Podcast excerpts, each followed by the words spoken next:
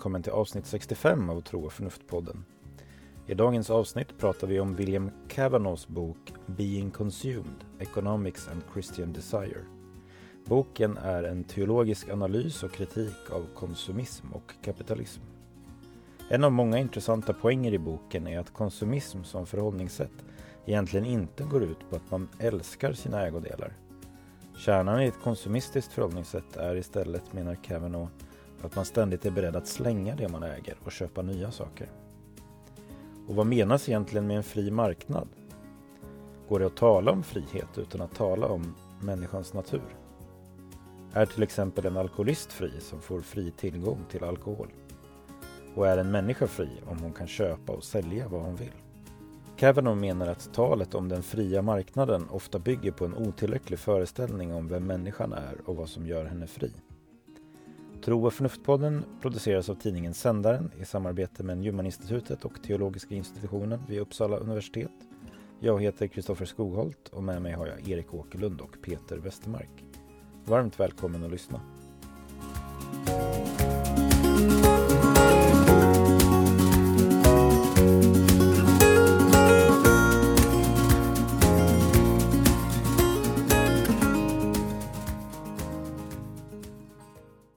Ja, välkomna till ett nytt avsnitt av Tro och förnuft som idag handlar om William Cavanaghs bok Being Consumed, Economics and Christian Desire. Och man kan säga att i den här boken så gör Kavanagh en teologisk analys av konsumism och konsumtionssamhället och av marknadsekonomin och kapitalismens baksidor kan man säga. Mm. Eh, kan säga någonting kort om vem han Kavanaugh är. Han har ju varit i Sverige, jag tror faktiskt att det två gånger. Ska komma till Sverige i höst också. På Björke Säbys höstmöte bland annat. Och eh, han är katolsk teolog som har skrivit ganska mycket om politisk teologi förut. Och eh, enligt Wikipedia så hör han till den här eh, teologiska rörelsen som kallas för Radical Orthodoxy och som startades av John Milbank, en brittisk teolog som är verksam eller varit verksam vid Nottingham University. Hur skulle ni definiera politisk teologi? Ja, precis. Skulle kanske tänka att det är liksom att vara partipolitiskt influerad. Ja, jag har faktiskt läst väldigt lite politisk teologi måste jag säga. Mm, det är inte vad vi brukar läsa i podden. Det är lite roligt att läsa något sånt. Absolut. Men om man ska utgå från den här boken så är det ju en slags kultur och samhällsanalys ganska mycket. Mm. Eh, men, men som har politiska implikationer så att säga. Eh, men eh, så att det finns väl, jag menar befrielseteologi är till exempel mm. politisk teologi. Så det finns väl olika definitioner kanske. En teologi som berör det gemensamma livet, tänker jag. Alltså som hur vi lever tillsammans, alltså grundbegreppet politik, tänker jag mig. Ja, jo, precis. Exakt. En sak som är viktig för den här är ju att boken innehåller då fyra kapitel och eh, i det första kapitlet så, så vill han diskutera vad är egentligen en fri marknad. Där är det liksom relaterat till vad är det för människan att blomstra? Och det är ju ett politiskt relevant mm. begrepp. Så det. är en teologisk läsning av samhället och, eh, och av, därmed också av det politiska. Mm. Skulle kunna... Ja, precis. Um, och det intressanta, det är också en anledning till varför de kallar sig för radical, radical orthodoxy, alltså det, det gänget då så att säga. Det är Även om med fler. Ja, precis. Det är ju att de menar att i så att säga den ja, ortodoxa så att säga, kristna traditionen så finns det resurser för en mer radikal samhällskritik än, än vad du hittar i en, i en mer liberal teologisk tradition. Mm, just det. Och de är ortodoxi med litet o så att säga. Ja, precis. Mm. precis. Inte öst, östkyrkan. Mm. Nej, precis. Men att i, hos Augustinus. Och radikalitet kopplar de ganska mycket då till eh, ordet Just det betyder ju rot. Radix. Radix. Så att gå, gå till källorna eller gå ner djupare eller till Mm. Ja, fast det blir nästan en eh, tautologi i så fall. Mm. Mm. Jag tror faktiskt att det lite grann också handlar om karaktären i samhällskritiken. Mm. Mm. Eh, att den är mer djupgående. Just det. Eh, och så. Men, eh, men jag måste säga att jag tyckte mycket om den här boken. Eh, har inte läst om förut. Eh, som sagt var så är det fyra kapitel. Första handlar om frihetsbegreppet. Han utmanar föreställningen om alltså den här liberala föreställningen om vad en fri marknad är. När är marknaden fri? Eh, det andra handlar ju om konsumism. En teologisk läsning av det, vad som kännetecknar konsumtionssamhället. Och det tredje, det handlar om liksom, ekonomi, globalisering och vad det, det har för effekter. Så att säga. Eh, och den sista handlar om, den heter Scarcity and Abundance. Där han vill ifrågasätta att vi egentligen lever i ett bristtillstånd, vilket han menar är en slags, ett slags antagande som ekonomin mm. är strukturerad utifrån. Men han menar ju att det finns så att säga egentligen tillräckligt för alla. Ja, men det var väl en, bara en jättekort um, ögonblick över, mm. över den här uh, boken. Men uh, ska vi prata lite om vad han menar med i sin kritik där av den fria marknaden med frihetsbegreppet? Mm. Uh, han går väl in just på, han ställer upp ett begreppspar för varje kapitel också. Där ställer han upp begreppsparet negativ och positiv frihet. Och det, den frihet som man har i den fria, när man säger den fria marknaden, en negativ mm. Eh, frihet och frihet från ett hinder, det vill säga att du mm. kan agera efter din drift, dina impulser, ja. din, ditt begär. Att säga. Mm. Så det är ingenting som hindrar dig, men det är den typ av en frihet som, som allt i naturen kan vara, att vara ohindrad. Ja, men frihet att följa ett begär. Precis. Och begäret betraktas så att säga som givet. Det är inte någonting du frågar dig varifrån kommer det här begäret. Och det finns ingen ytterligare utvärdering av det. Alla begär på det sättet Nej. i den här bilden på samma, samma nivå. Det finns så att säga ingen ytterligare utvärderingsgrund över mm. exempelvis vad som är bra och dåliga begär. Nej det intrinsikala värdet är mm. mm. begärets tillfredsställelse. Mm. Jag tycker han är ganska duktig på att hela tiden avklä. Alltså det han, han säger så här, det här är inte en bok för eller mot inom citattecken den fria marknaden. Liksom. Utan mm. det är en bok som försöker analysera de underliggande, vad ska vi säga, so, so, um, ehm, filosofiska antagandena som, som strukturerar våra ekonomiska system liksom. Mm. och även typ hur vi lever våra liv. Att vi gör varandra till konsumenter, till, mm. till äh, människor man har transaktioner med på mm. ett plan. Mm. Uh, och externa relationer kan man väl nästan säga. Mm. Alltså i den meningen att i en familj eller ett vänskapssammanhang så är det ju liksom indragen i varandras liv. Mm. liksom, medans marknadskontrahenter, kan man säga, aktörer på marknaden är så att säga bara relaterade till den här transaktionen. Ja. Eh, och sen är det ju inte riktigt så marknaden och ekonomin funkar i alla fall. För att, alltså, vi är inte, vi, vi lever inte efter den här modellen som väl är, så att säga. Ofta är ju våra transaktioner eh, så att säga, vägledda av, av någon form av heder och etos och vänskaplighet och sådär. Liksom. Mm. Så det, det tränger in så att säga, eh, etik i, i de här. Men det är klart att det, det kan bli så, speciellt om man är anonyma för varandra. Både etik och brist på etik så att säga ja. går ju in i det här systemet som är väldigt amoraliskt i teorin på något sätt. Ja. Men det är där han, kommer in då med det här positiva frihetsbegreppet som han hämtar från mm. från Augustinus just och då koppling till telos, människans ändamål. Vad är det som får människan att blomstra? Mm. Och att så här, synd, att handla i enlighet med någonting som är dåligt, är inte sann frihet utan det är egentligen slaveri och bundenhet. Mm. Så det, är ett helt, det blir ett helt annat Mm. frihets... eh, Mm.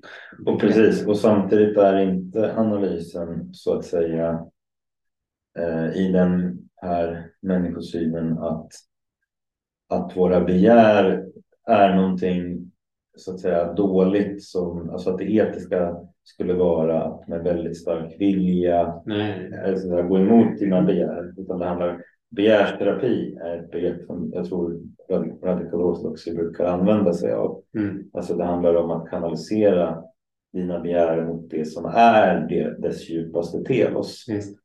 Och så när jag tänker på Sarah Coakleys eh, analys är ju väldigt närliggande här. Så att Mm. Alltså att, eh, hon, hon, hon säger att hon vill ställa Freud på huvudet. Så att säga. Säga att, Mm. att liksom, precis som eh, sexualiteten är ett begär efter det goda, men alla begär efter det goda har en slags kulmen i begäret efter Gud. Mm. Men, men så att det handlar liksom om att, att, att våra begär ska bli mer autentiska, skulle man kunna säga. Ja, om man packar upp det där lite så tänker jag att den, den traditionella, lite nidbilden av kyrkan har ju varit lite så här, och även av Augustinus som används Mm. mycket i den här boken. Det är ju så här, Augustinus tyckte att begär var dåligt och kyrkan tycker begär är dåligt. Ja, just det. Ajabaja, inget, inget sex, inget roligt, ingen synd. Liksom. Mm. Alltså vi, i, I kulturella medvetande är ju synd liksom typ att äta en semla liksom. Eller Mm.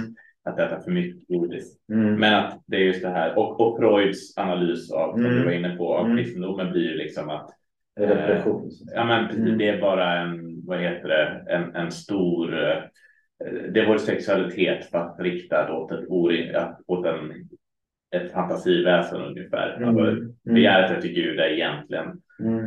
eh, vad heter det sublimerat begär efter efter någon Mm. människa. Men Mm. mm. Sarah Coakley säger väl motsatsen då att liksom, Mm. ytterst sett är begäret Mm. liksom vad vi människor är och vad Gud har skapat oss till att Mm. vi är begärande varelser. Och det Mm. uppfattar jag som en grundtes i den här boken också. Att, Mm. att vi är begärande varelser. Frågan är vad vi begär och vad Mm. vi låter. Ja, men, och vad att vi och någonstans vi kanske behöver begärsterapi som du var inne på Mm. Kristoffer. Alltså Mm. vi behöver rikta vårt begär någonstans. Mm. Ja, precis.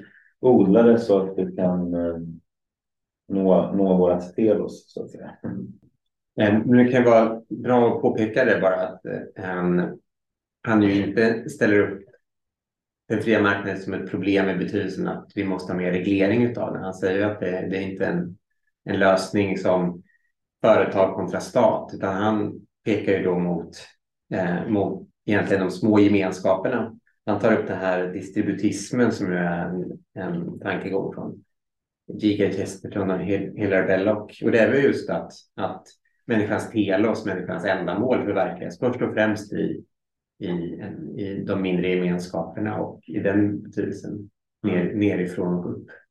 Eh, det återkommer han till hela tiden och det, Mm. det här, även, även här i första, Ja, första han tar ju upp som ett problem i och för sig att det bara är 13 procent av amerikanska arbetare som är organiserade i fackföreningar och sådär.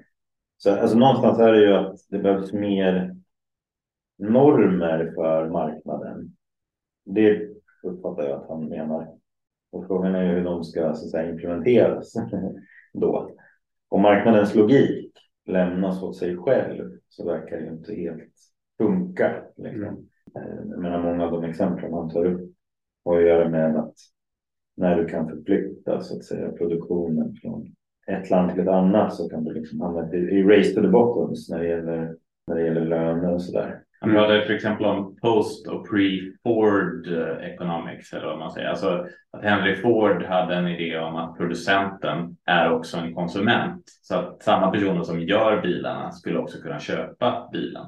Ja, producera. Mm. Och den idén har ju totalt försvunnit ur produktionssamhället idag. Och det är inte så långt tillbaka. Det är ju hundra Nej. år sedan som det var en ideal. Mm.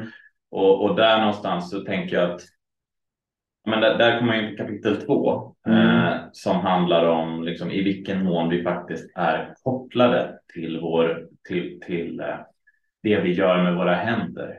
Mm. Eh, och det, det är ju eh, jag tänker att det han beskriver, eh, och nu får ni säga emot mig om ni tycker det inte är rättvist, men det han beskriver är ju den klassiska idén om alienering. Mm. Alltså att vi mm. blir alienerade från mm. de varor, det, det arbete mm. vi utför är inte längre kopplat till, eh, till ett värde jag själv kan ta del av i mitt liv. Liksom. Alltså det, är någon, det är snarare någon på andra sidan jorden som producerar något man aldrig skulle ha råd att köpa själv. Mm. Den skulle ha råd att köpa. Den personen, ja, jag har råd att köpa kanske mm. ett par Nike-skor eller mm. så. Men personen som syr Nike-skorna. Mm.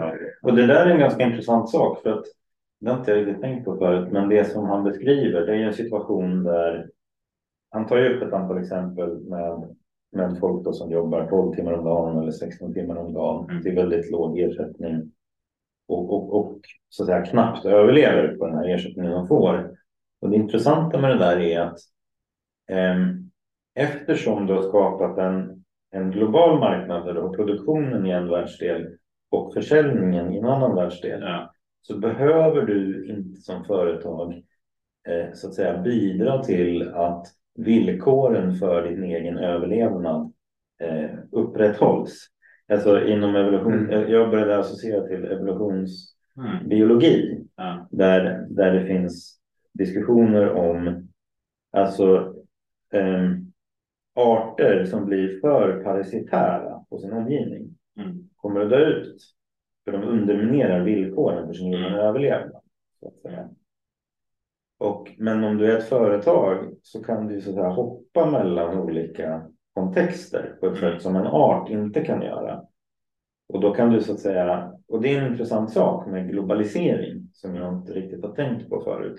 Alltså du kan i princip, för att hårdra lite, underminera one community at a time så att säga. Mm. Om ni förstår liknelsen. Det finns något element här av att om vi är en by så kanske du inte riktigt kan ägna dig åt den graden av exploatering för du kommer inte se till att den arbetskraft du behöver eh, blomstrar. Så att, säga. så att det finns någonting i själva fenomenet med att, som han säger, att eh, capital är så flyttbart. Och, och, det är också det apropå den fria marknaden då som abstrakt koncept. Alltså, um, någon har gjort den poängen att liksom är faktiskt, är det så att det vi kallar marknaden idag ens har det någonting med metaforens ursprung att göra? För då tänker jag att det är ett litet samhälle, ett litet by där en bonde kommer med några grisar och en annan kommer med liksom, mm. eh, säd och sen så gör man ett utbyte av varor. Liksom. Mm. Men man, man,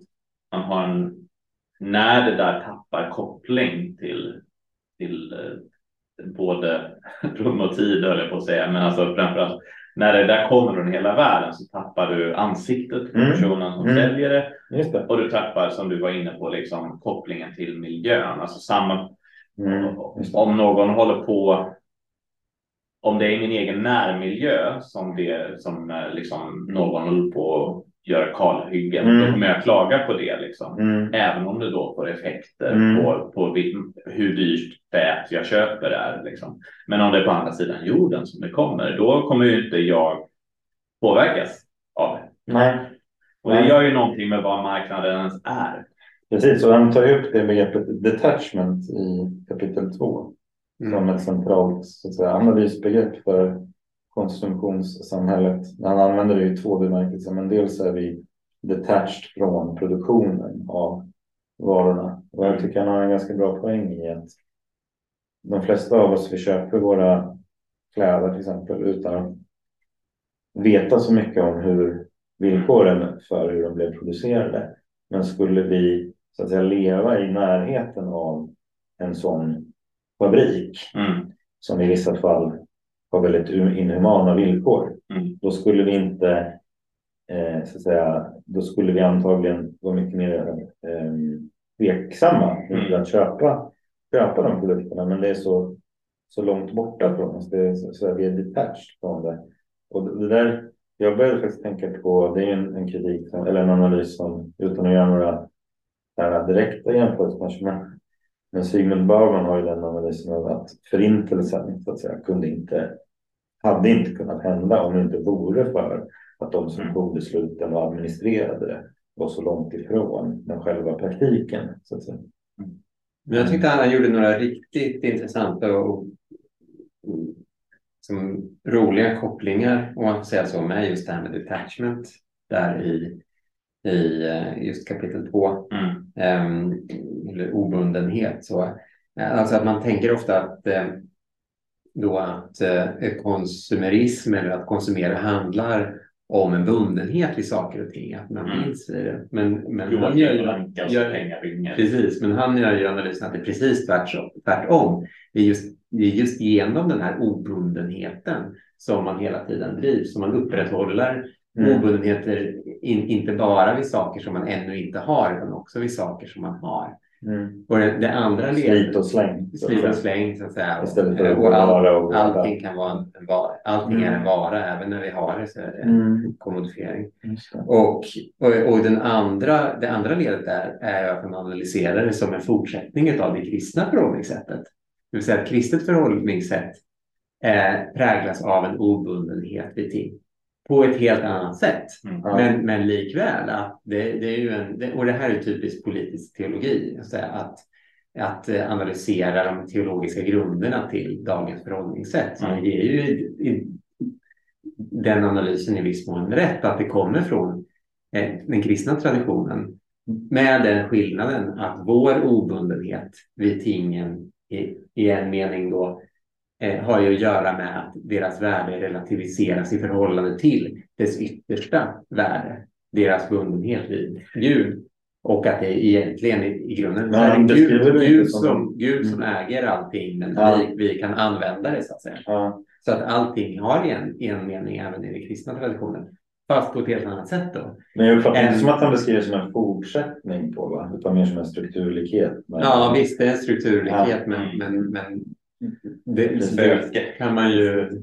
Men jag tyckte det var en väldigt intressant sak att det handlar om detachment. Men Ja. det handlar om detachment eh, på det viset att ehm, det, om jag skulle vara så att säga ömsint vårdande Mm. om de saker jag har.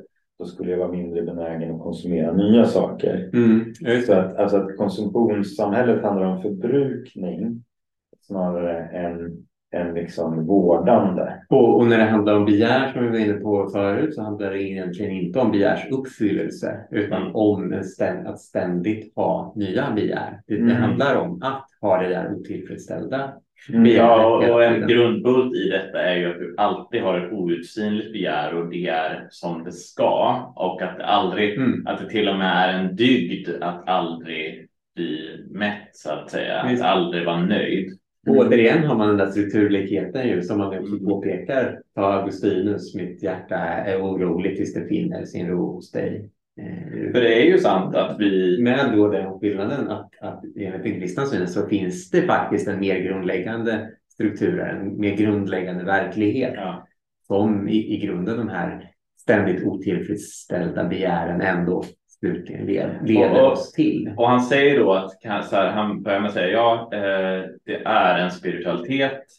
Alltså eh, konsumismen så att säga är en spiritualitet och det är Mm. en, en eh, han säger En, något. en estetik också, ett sätt att se på Ja, världen. det är Ja. globaliseringen som är en estetik. Ja, okej, ja. Sen är det konsumtionssamhället moral formation. Ja, och han säger att den är kraftigare till och med än kristendomen. Alltså i den meningen den har större makt över oss idag. Ja. Och det är därför jag tycker det, alltså det är ju många som har gjort den här, det växer ju, det vi idag känner som kapitalism, det Mm. är ju framväxt på 1600-talet i efter religionskrigen egentligen i Europa. Ja. Man, man brukar ofta koppla det till en, alltså jag har svårt att inte, när jag läser Milton Friedman som han gör i kapitel 1, liksom, han Mm. beskriver liksom och den här större, stora förespråkarna för en slags ekonomisk teori liksom, och, och liksom vad vi behöver göra för att ekonomins hjul ska snurra på. Mm. Då anar man ju någon slags, det är något, en överstepräst som förkunnar liksom Mm. för vår tid och det är just liksom att tror du inte att tillvaron i sig har en mening längre, Mm. eh, om, du, om du har börjat tappa tron på att det finns ett mål för oss vi kan komma överens om, ett telos, Mm. då behöver du ju någonting annat. Och det är det här jag tänker att liksom här Adam Smiths nästan mystika sätt att tala om den os marknadens osynliga hand. Liksom. Och Mm. så här, den osynliga handen liksom ger oss det vi behöver. Liksom. Vi behöver bara tro på detta och liksom överlåta våra liv åt denna mekanism som vi ser funkar så bra. Liksom. Och jag tänker det, och det ger ju det en slags kraft i sig att vi tror på den. Eh, och det är ju, ja men det, det är så tydligt en religion på det sättet eh, att vi, vi kan inte eh, vi tror alla på den så mycket att vi vågar inte sluta eh, göra offer till den. För det är det han beskriver på slutet, liksom, att alla dessa individuella företag som tänker att ja, vi skulle ju kunna lägga vår arbetskraft någon mm. annanstans. Vi vill ju inte göra det här egentligen, men mm. marknaden kräver det av oss ändå. Mm. Ja, precis. Jag, får, jag minns när jag läste nationalekonomi att jag blev rätt så fundersam över att man pratade där om bokföringsvinst. Det är det du har kvar när du betalat utgifter. Mm. Och sen har de ett annat begrepp som är reell vinst. Det är bokföringsvinsten minus alternativkostnaden. Alltså det du alternativt hade kunnat tjäna om du gjorde någonting annat. Så att, så att säga. Och det, det har den lite speciella egenheten att Eh, för att mycket av problemen i, i de här arbetsvillkoren som han tar upp i kapitel 1, det är ju att de här personerna som jobbar 12 eller 16 timmar per dag och för 30 cent per timme, mm. eller vad det var, eh, de har inga andra alternativ. Så då, och då betyder det eh, enligt det här sättet att räkna att skulle du då höja lönen för dem så, så har du så att säga eh, eh, omotiverat skapat en förlust. Det blir alltså en reell förlust för du tar bort, om du tar med alternativkostnaden här, mm. så, hade du, så då går du så att säga med reell förlust. Mm. Men det lite speciella i det här är att om man skulle få en liksom eh, global reglering av minimilönerna mm då har helt plötsligt, då kan reell vinst och bokföringsvinst vara samma. Mm. För det går ju inte att sänka lönen. Men, men om ett annat företag skulle kunna etablera sig och erbjuda en lägre lön men ändå få eh, arbetare. Mm. Eh, därför att det är oreglerat. Då, och det där tyckte jag var intressant och det tror jag ändå talar för så att säga att jag menar, alla i princip som inte är väldigt utpräglade libertarianer vill ju ha en reglering av marknaden. Mm. Men det pekar också på varför man ur en slags eh, etiskt perspektiv om man vill tänka att arbete ska vara, alltså jobbar du heltid så ska du kunna leva på det så att säga. Mm. Så att det är en slags etisk princip. Då behöver du också en reglering av det. Men, men, eh, men det är så intressant att det språket finns i nationalekonomin som så att säga en vetenskaplig teori. Mm. Alltså begreppet reell vinst som något annat än bokföringsvinst. Mm. Eh, vilket innebär att om du har människor som som har att välja mellan att svälta eller att jobba så kan du lägga lönen väldigt, väldigt, väldigt lågt. Så. Men har du då en reglering som gör att här måste du erbjuda minst den här, då kan du inte längre göra det och då är liksom reell vinst någonting annat. Så det är ju ganska intressant. Ja, hårresande skulle vi också kunna kalla det. ja, men absolut, jag håller med om det. Men, men, men frågan är väl, så att säga, jag tyckte att han hade erbjudit väldigt bra analys där i kapitel två liksom av, av, av konsumtionssamhället, teologisk analys och kritik av det. Men det är ju också en intressant fråga hur, hur man, hur man så att säga, kommer ur det. Och hans, hans, hans budskap är väl liksom att det handlar om att skapa alternativa, som du var inne på Erik, alternativa gemenskaper och alternativa företagsformer och så där mm. som, som liksom utövar ett slags alternativ modell. Mm. Eh, Han pratar ju om till exempel att förlägga produktion i hemmet, att producera saker hemma, att göra hemmet inte bara ett ställe för konsumtion. Men det är väl ett mer individuellt liksom, för att motverka konsumismen i din eget liv så att säga. Ja, eller, eller familjen då, alltså eller hemmet. För jag tänker att han tar upp företag, exempelvis på ganska stora företag som ju arbetar efter andra principer. Visst, absolut. Eh, men absolut, jag håller med dig om i det att om vi aldrig producerar någonting så får vi ett annat förhållningssätt till ett, han, lägger- om jag minns rätt så lägger han det på en väldigt konkret nivå. Liksom, baka bröd eller... Så, men det är ju hur du som själv kan delta få i- en disciplin i ditt eget liv så att säga. Ja. Inte riktigt hur vi ska Men, ja, marknaden är inte att individer börjar baka bröd hemma så att säga. Det är inte lösningen så, utan man pratar ju där om företag så att säga. Som är strukturerade. Jag tror båda spelar roll på en strukturell nivå. Men jag, det jag skulle säga det är väl att det är viktigt att sätta en kult. Alltså, ska man någonsin komma ur det här så måste Mm. man på något sätt visa att det finns alternativ. Att det finns, att det går att leva på ett annat sätt. Det är någon har sagt att liksom, det finns inget som är svårare för människor att tänka sig än en värld utan kapitalism. Liksom. Alltså det är den mest Mm. svåra idén. Så som kapitalismen så som den ser ut idag. Mm. Och, ja. och, och då tänker jag att man behöver de här både på mikronivå och makronivå. Baka eget bröd, det, det skulle vi, eller göra egen musik. ju. Det tycker Mm. jag var intressant. Alltså bara det här Mm. typ att själv spela ett instrument Mm. snarare än att bara stoppa in hörlurarna och del Mm. av någonting.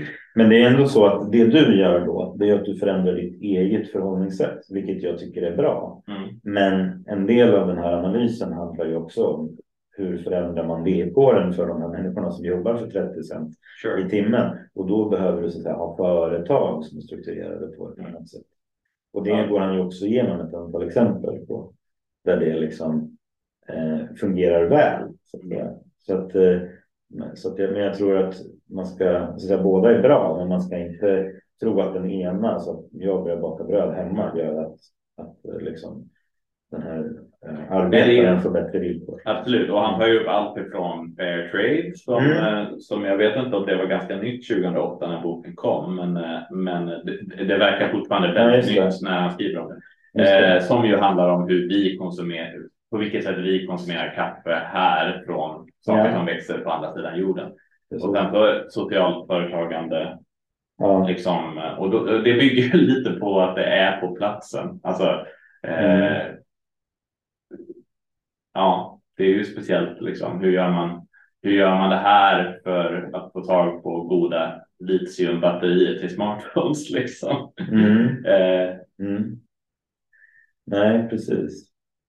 Men det är ju någonstans om man, om man som individuell konsument ska försöka fundera på vad man kan göra annorlunda. Så en sak jag tänkte på var att kanske handla färre saker Mm. men lite dyrare saker skulle kunna vara en generell på något sätt alltså, eh, riktlinje. Men också försöka bli mer medveten om, om de villkor som, som gäller för, för produktionen. Liksom. Ja, men det är ju en intressant, det är en intressant fråga för att i slutändan så, så finns det eh, ett etiskt imperativ som ibland eh, glöms bort också. Eller så här, jag kan uppfatta att det under ytan av en del samhällskritik från politiskt håll, säg från politiskt vänsterhåll, kan finnas en önskan om så att säga mer etiska människor också. Mm. Så att säga. Eh, om vi tar klimatdebatten lite mer generellt så Ola Söderholm sa det någon gång i Stormens utveckling att om, om vänstern enbart var intresserade av lägre koldioxidutsläpp då skulle man kanske vara lite mer benägen att överväga sådana lösningar som skaver ideologiskt som till exempel kärnkraft. Men det finns ju en del i den kritiken eh, som inte skulle, eller en del av de kritikerna skulle liksom inte vara helt nöjda om vi hittade en energiform som gjorde att vi kunde bara konsumera obegränsat. Alltså det finns en mer, det finns en slags etisk kritik av vilken typ av människa så att säga också Mm. man vill odla. eller vad man ska säga. Vilket jag tyckte var intressant, vilket är lätt att begripliggöra ur en slags teologisk ja. men då, då krävs det att du har en, en mer eh, normativ människosyn liksom, än, än, än bara referensutilitarism så att säga.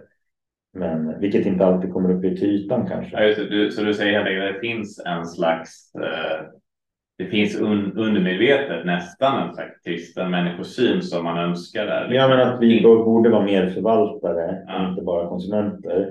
Även om vi hittade en teknisk lösning som gjorde att vi kunde vara eh, så att säga, ohämmade konsumenter så vore det inte helt bra. Och det är någon slags teologisk intuition. Och det är ju på ett sätt då inte klassisk vänsterideologi i meningen, alltså säg eh, socialism eller kommunism på, på första hälften av 1900-talet. De var ju ofta, trodde ju på de stora projekten, stora fabriker och sånt där. Liksom.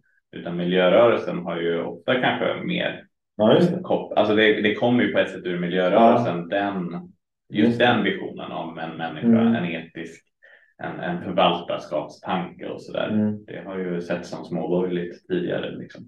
Ja, just det. Nu har väl det, de där gränserna luckrats upp på massa Mm. sätt i modern Och jag tror att de i någon mening också eh, har varit lite sådär eh, inte helt klara i den Nej. meningen att jag tänker att det finns en, en normativ antropologi så att säga i botten av, av alienationstanken till exempel. Också, Verkligen. och så. Mm. Men eh, Ett värdigt liv. Liksom. ja, men exakt.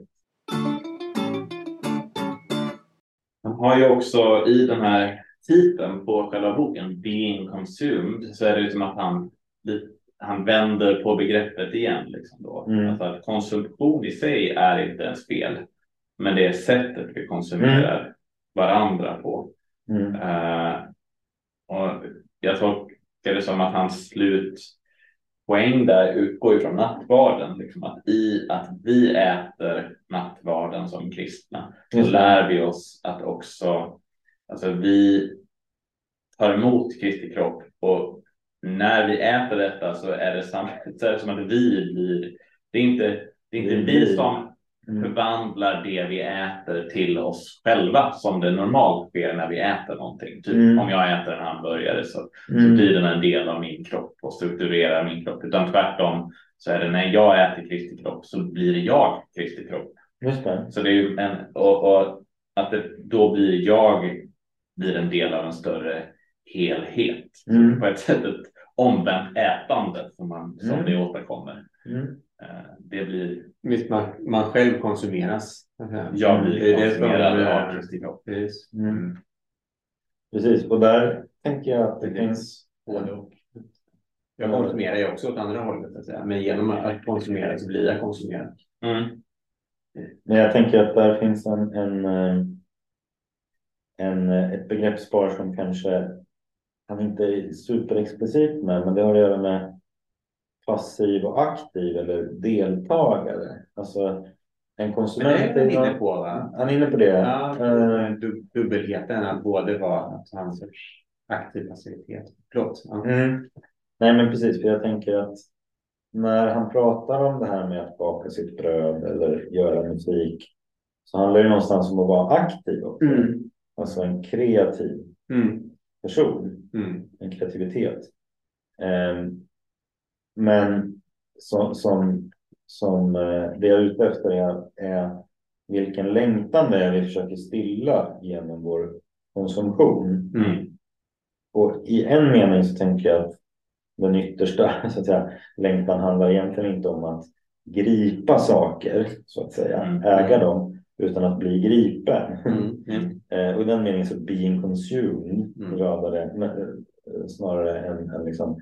Men det är en intressant aspekt i att för att bli gripen så måste jag i någon mening också gå in i någonting och bli en aktiv deltagare Mm. och Mm. inte bara en åskådare. Jag tänker att det konsumistiska förhållningssättet har Mm. en slags åskådarkaraktär så att säga, snarare än att jag blir indragen i som en, en deltagare så att säga. Det där, det, det, jag tycker det här går in i så många av samtidens eh, liksom, all, alltså diskussionen som, som förs nu till exempel. Alltså, alltså att vi, eh, han har ju den här bilden av turister. Eh, Turister som besöker ett land för att man vill få en genuin, liksom, man, man vill ta del av vad har just den här platsen att erbjuda mig. Mm. Men för att det ska bli tillgängligt för mig så har jag på ett sätt också, jag måste inta en slags tredje, en distanserad position som Mm. tillåter mig att inte bli,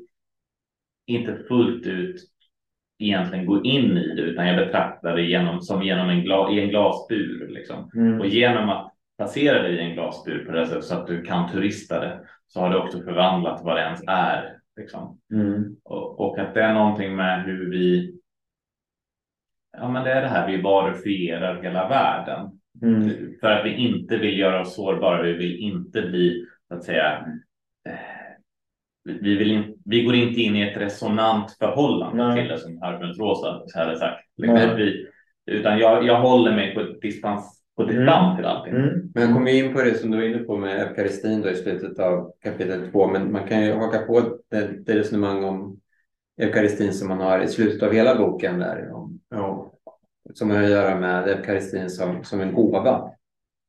Alltså man har den här traditionella uppdelningen eh, inom antropologi mellan innegrupp och utegrupp. Och Mm. egentligen så fungerar ju innegrupp då, de som tillhör oss. Där betalar du liksom inte med pengar och håller på utan Mm. ja, du ger till varandra.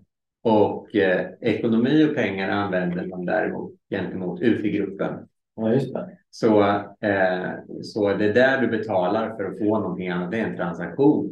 Och en analys man kan göra utav vad som har hänt i då moderniteten är att, så att säga, um, innegruppen blir mindre och mindre och utegruppen större och större tills det, du är den enda innegruppen. Du är din egen Ja. innegrupp som står i transaktionsförhållanden Ja. med allting annat. Men, och det som händer med eukaristin som gåva är, det är en gåva. Mm. Och det skapar en innegrupp, det skapar en gemenskap. Och kärnan i den kristna impetusen, missionen, är att egentligen i förlängningen skapa en innegrupp av hela mänskligheten genom gåvan och genom att upphäva det här. Just det. Mm, Vi, så att säga, han är inne på att gåvan upphäver distinktionen mellan mitt och ditt. Så att säga. Mm. Allt är Guds. Eftersom vi blir del av samma kropp. Vi blir del av samma kropp. Så, att säga. Mm. så på det sättet upphävs den logiken. Mm. Jag tror man kan Mm. Mm. eh, eh, kan, kan göra den, ta den liksom ingången och den analysen till vad det är som sker och vad som, Ja. vad, vad, hur, Mm. hur det här förhåller sig eh, till det. Ja. Det är liksom en annan logik som kommer in Mm. i, i hela det, i eukaristin och i och genom också då att det, det är då en, Ja. en gåva. Det här är spännande för att jag brukade tänka eller uppleva på liksom, ja men för 20 år sedan när det inte var så vanligt med tiggare i Sverige. Mm. Att man bröt mot någon slags social tyst överenskommelse om man gav pengar Mm. till tiggare. För att det kändes som att den överenskommelsen var att det här har vi löst Mm. redan institutionellt. Mm. Och nu bryt, nu synliggör jag så att säga det här. Mm. Och sen finns det det här otroliga misstänkliggörandet av vad är, varför vill du ge? Liksom. Som ju är en ganska läskig liksom, attityd som vi på något sätt har skapat. Alltså att gåvan och de typen av relationer som vi någonstans hela tiden längtar efter Mm. är så misstänkliggjorda. Och att de enda rena relationerna är liksom de här transaktionsrelationerna. Mm. Det är ju ganska obehaglig Mm. obehagligt fenomen tycker jag. Det finns ju säkert en viss typ av snubbar som är väldigt intresserade av att dekonstruera altruism. Det finns ingen altruism, vi är Mm. alla egoister. Och Det här, nu tänker jag lite på eh, vår vän Dawkins som du har bekantat Mm. med Mm. kring det här. Men alltså det finns en, ett väldigt intresse ur ett, ur ett etiskt och existentiellt förhållningssätt. Att det kan inte finnas Nej, just det. kan inte finnas rena motiv på det Mm. sättet som bara så, alltså. Och det är ju någonstans. Det är klart att det, lutheranen i mig vill säga att ja, det är klart att jag kan syna mig. Jag kan lika Augustinus om vi säger så istället. Syna mina motiv och se hur, hur det finns någonting skevt i vad jag gör oftast. Men det är ju om man hela tiden vill reducera det där till att vi, är bara, vi har bara egenintresse och allting handlar om vad individen vill och Mm. vad mina ohä, omätbara begär gör. Det, det är ju liksom att på förhand ge upp och det tänker jag är liksom vad Mm. sista kapitlet handlar om också med scarcity, liksom att Mm. vi, det finns inte nog. Det är, bara, det är bara att acceptera. Det finns inte nog för alla och det kommer aldrig bli så. Så, då, då behöver vi inte bry oss. Alltså det finns en, Nej, en defaitistisk Ja. i, i allt det där. jo. Men, men om, om, om, om Kavanaugh har rätt här då, så är ju liksom det yttersta begäret är ju ett begär efter Gud. Och Gud är en sån här relation Mm. av givande och mottagande. Ja. Och någonstans måste vi på något sätt, vi har en längtan efter det och kan i någon mån gestalta det. Liksom. Vi är också kallade då att försöka gestalta det Mm. mer och mer. Och då är det ju ganska läskigt om vi så att säga, får en, en förförståelse och en blick på att alla relationer egentligen är transaktionsrelationer Mm. så att säga. Mm. Och att vi får en sån negativ misstänksamhet gentemot Mm. allt annat så att säga. Mm. Det är ju lite o... ja, men jag tänker det är Ja. knepigt liksom. Eh, ehm, Man kan ju påpeka det att många moderna etiska teorier, egentligen de främsta moderna etiska teorierna, eh, där kan man inte ens begreppligt göra en, en skillnad mellan en sån där gåvo, eh, liksom, gåvorelation eller, eller med andra. Det blir som atomiserade ja. eh, individer och det, det Mm. hänger väl ganska mycket ihop med, med en sån eh, förståelse av människan. Det bottnar, det bottnar ju i en viss antropologi, en viss förståelse Ja. av människan som kanske inte alltid tydliggörs eller skrivs Nej. fram i, i Nej. de etiska teorierna. Liksom. Nej. Nej. Nej, exakt. Och att beroende alltid är negativt. Ja, just det. Precis. Eh, Visst. och oberoende är positivt. Som man ska göra sig av med. Mm. En tematik som jag funderade en del på när jag läste vad heter det, hans ja, sista kapitel, inte minst tror jag. Men han skriver mycket om, om nattvarden och eukaristin. Då, så där, att, ehm, för att någonstans så handlar ju allt det här om, om konsumtion och, och lite bredare också kanske om, om, man, om man vill gå in på den biologiska världen. Att såklart alla levande organismer är ju så att säga beroende av varandra också på olika sätt. Men, eh, och, och, och, och djur äter andra djur och sådär. Men det är ju någonstans som att eukaristin förvandlar lite grann den här logiken i och med att Kristus ger sig själv. Mm. Och, och istället för att det är tagandets logik då, Mm. så, att säga, så är det givandets och mottagandets logik. Mm. Eh, och eh, man skulle kunna se det som att, att det finns någon slags riktning här i universum mot från, från så att säga då, eh, tagandets logik till givandets logik. Mm. så. Mm. Eh, och att eh, i den meningen så är det en, en, en transformering av en logik som finns i Mm. universum som är ett bero, ömsesidigt beroende.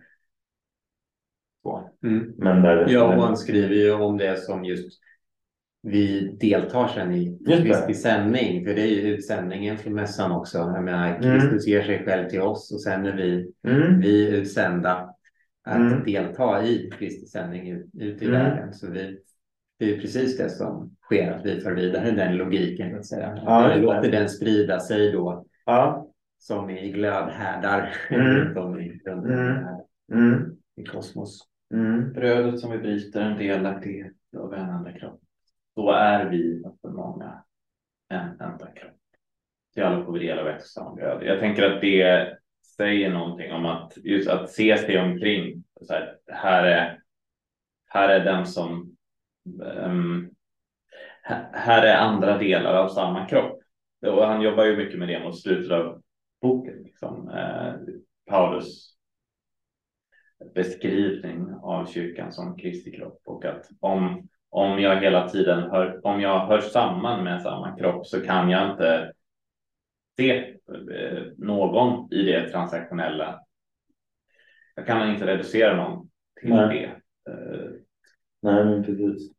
Och här behövs ju så att säga den här äh, insikten som Kevin också tar upp att när Jesus säger jag var hungrig, jag var törstig och så där så är det ju inte jag var hungrig och döpt.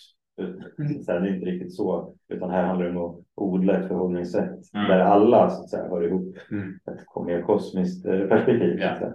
Och det blir en intressant så att säga, också då att, att eh, i eukaristin så så får man kanske öva sig på ett förhållningssätt som sen också tar gestalt då, utanför Eukaristin. Absolut. Mm.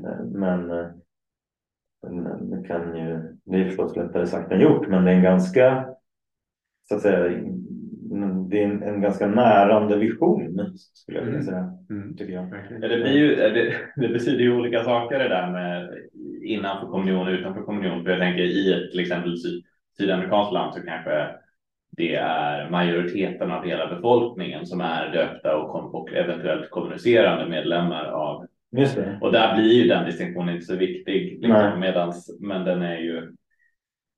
Jag har ibland i ett svensk kontext tänkt att om inte jag kan se på dem jag, dem jag sitter, jag delar bröd med här på detta sätt. Ja, hur ska jag då kunna se på någon annan på det sättet? Ja. Alltså någonstans att man får börja. Just det. Börja gräva där man står så att säga. Ja. Börja med det lilla. Ja. Uh, någon, någon gång i något avsnitt så tycker jag det vore intressant att reflektera lite över hur det kommer sig att västerlandet i vissa avseenden för mig verkar gestalta ett förhållningssätt som ligger kanske längst ifrån vad jag uppfattar som det kristna traditionens mm. etos. Alltså det är ändå någonting i det, att en, en, en väldigt radikal individualism är ju, tycker jag, då, ganska långt ifrån mm.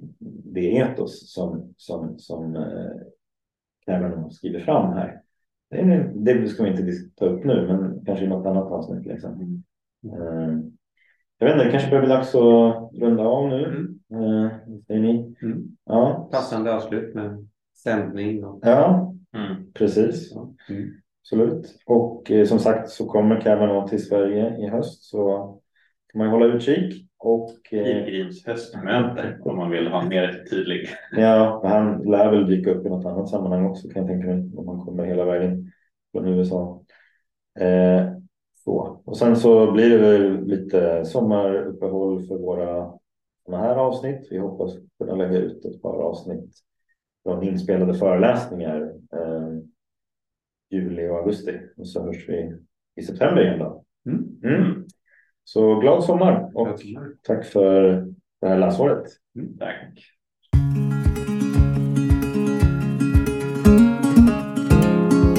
Ganska bra tror jag att spela in.